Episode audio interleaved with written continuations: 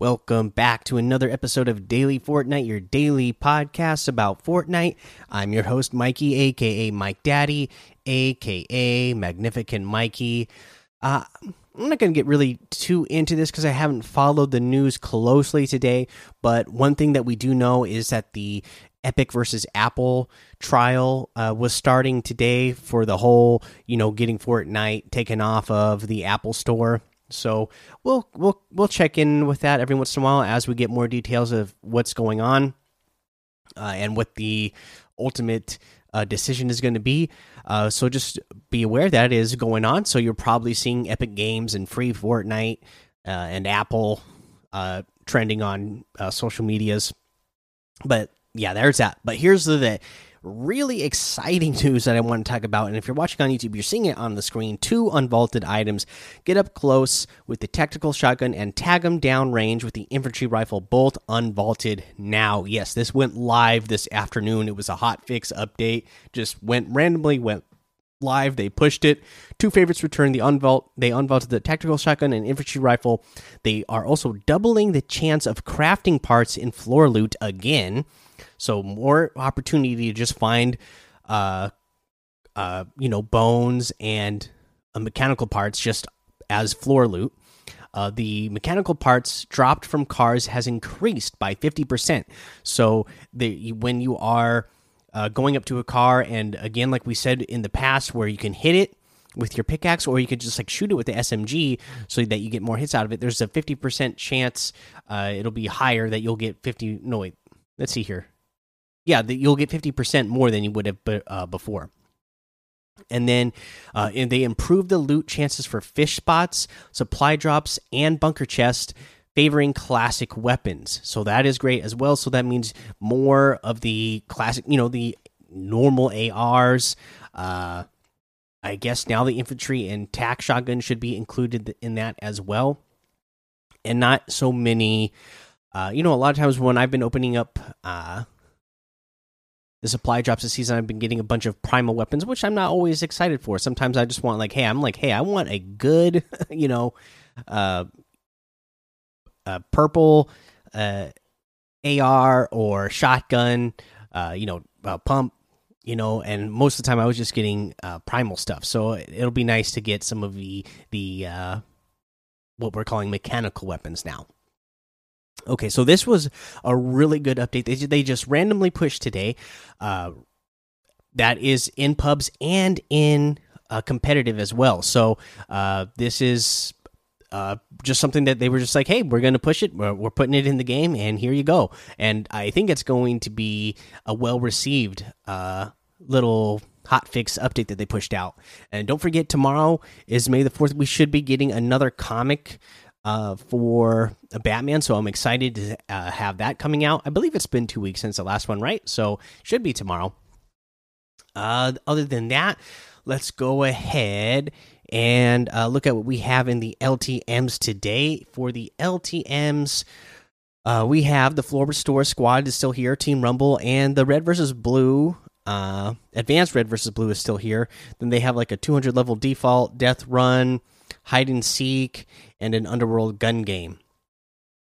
Okay, uh, let's see here. Let's do a challenge tip for this one hunt raptors you know if i'm hunting raptors i'm going to stealthy stronghold there's always raptors in here and there's plenty of places to uh, get uh, weapons in here so that you can be ready to attack the raptors once you land them there's some raptors that like uh you know that they randomly spawn out in open areas and whatnot. But if you just land on them, uh, you're not going to have, uh, you know, like you're not going to have any weapons to to to combat them with. That's why I'm going to stealthy stronghold, getting my gear, and then uh, attacking the raptors that are going to be in there.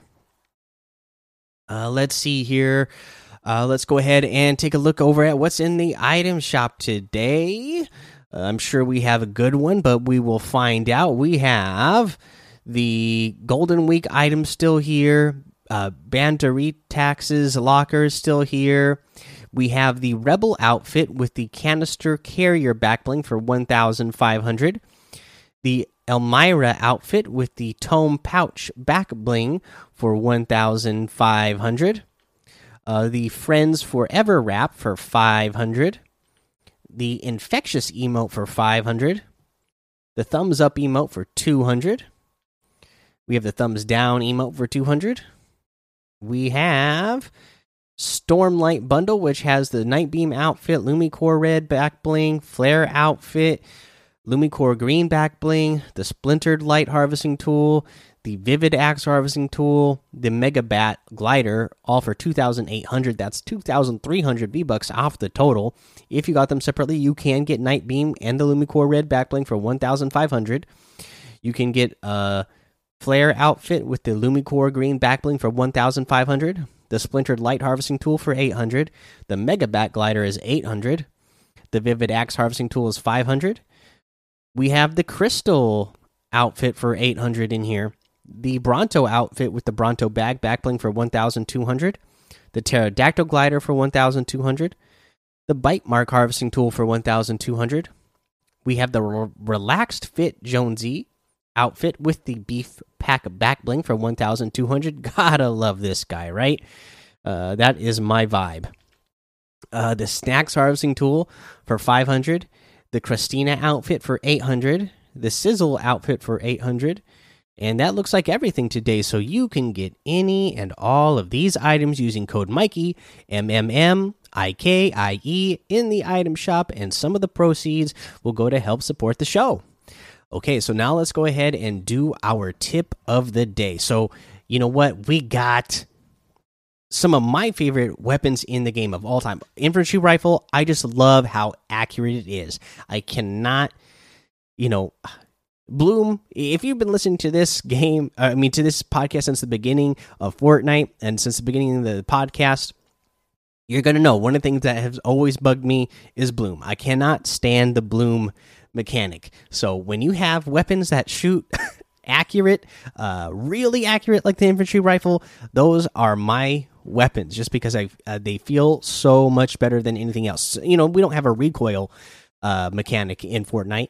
We're just we just have to deal with Bloom. It's not something that you can, uh, well, you can you can uh, make it better just through mechanics, but not as you don't still don't have as much control over as if it was just like kickback or recoil, right? So if you have weapons that are just uh, on the base level more accurate those are those are my favorite weapons in the games. And infantry rifle is one of them. And the tac shotgun is going to be uh, you know because we have the primal shotgun ever since it got its nerf meh, no good.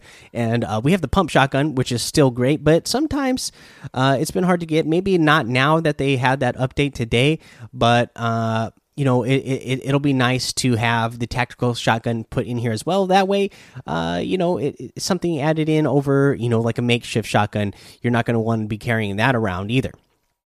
And, and when you have the infantry rifle and the tac shotgun you're going to want to have them uh you know upgraded to the best of your ability. You're going to really want to take advantage of the power and accuracy that the infantry rifle has as well because not only is it really accurate it's super powerful. It's really powerful ar you know you're being rewarded for being accurate with the damage that it's done.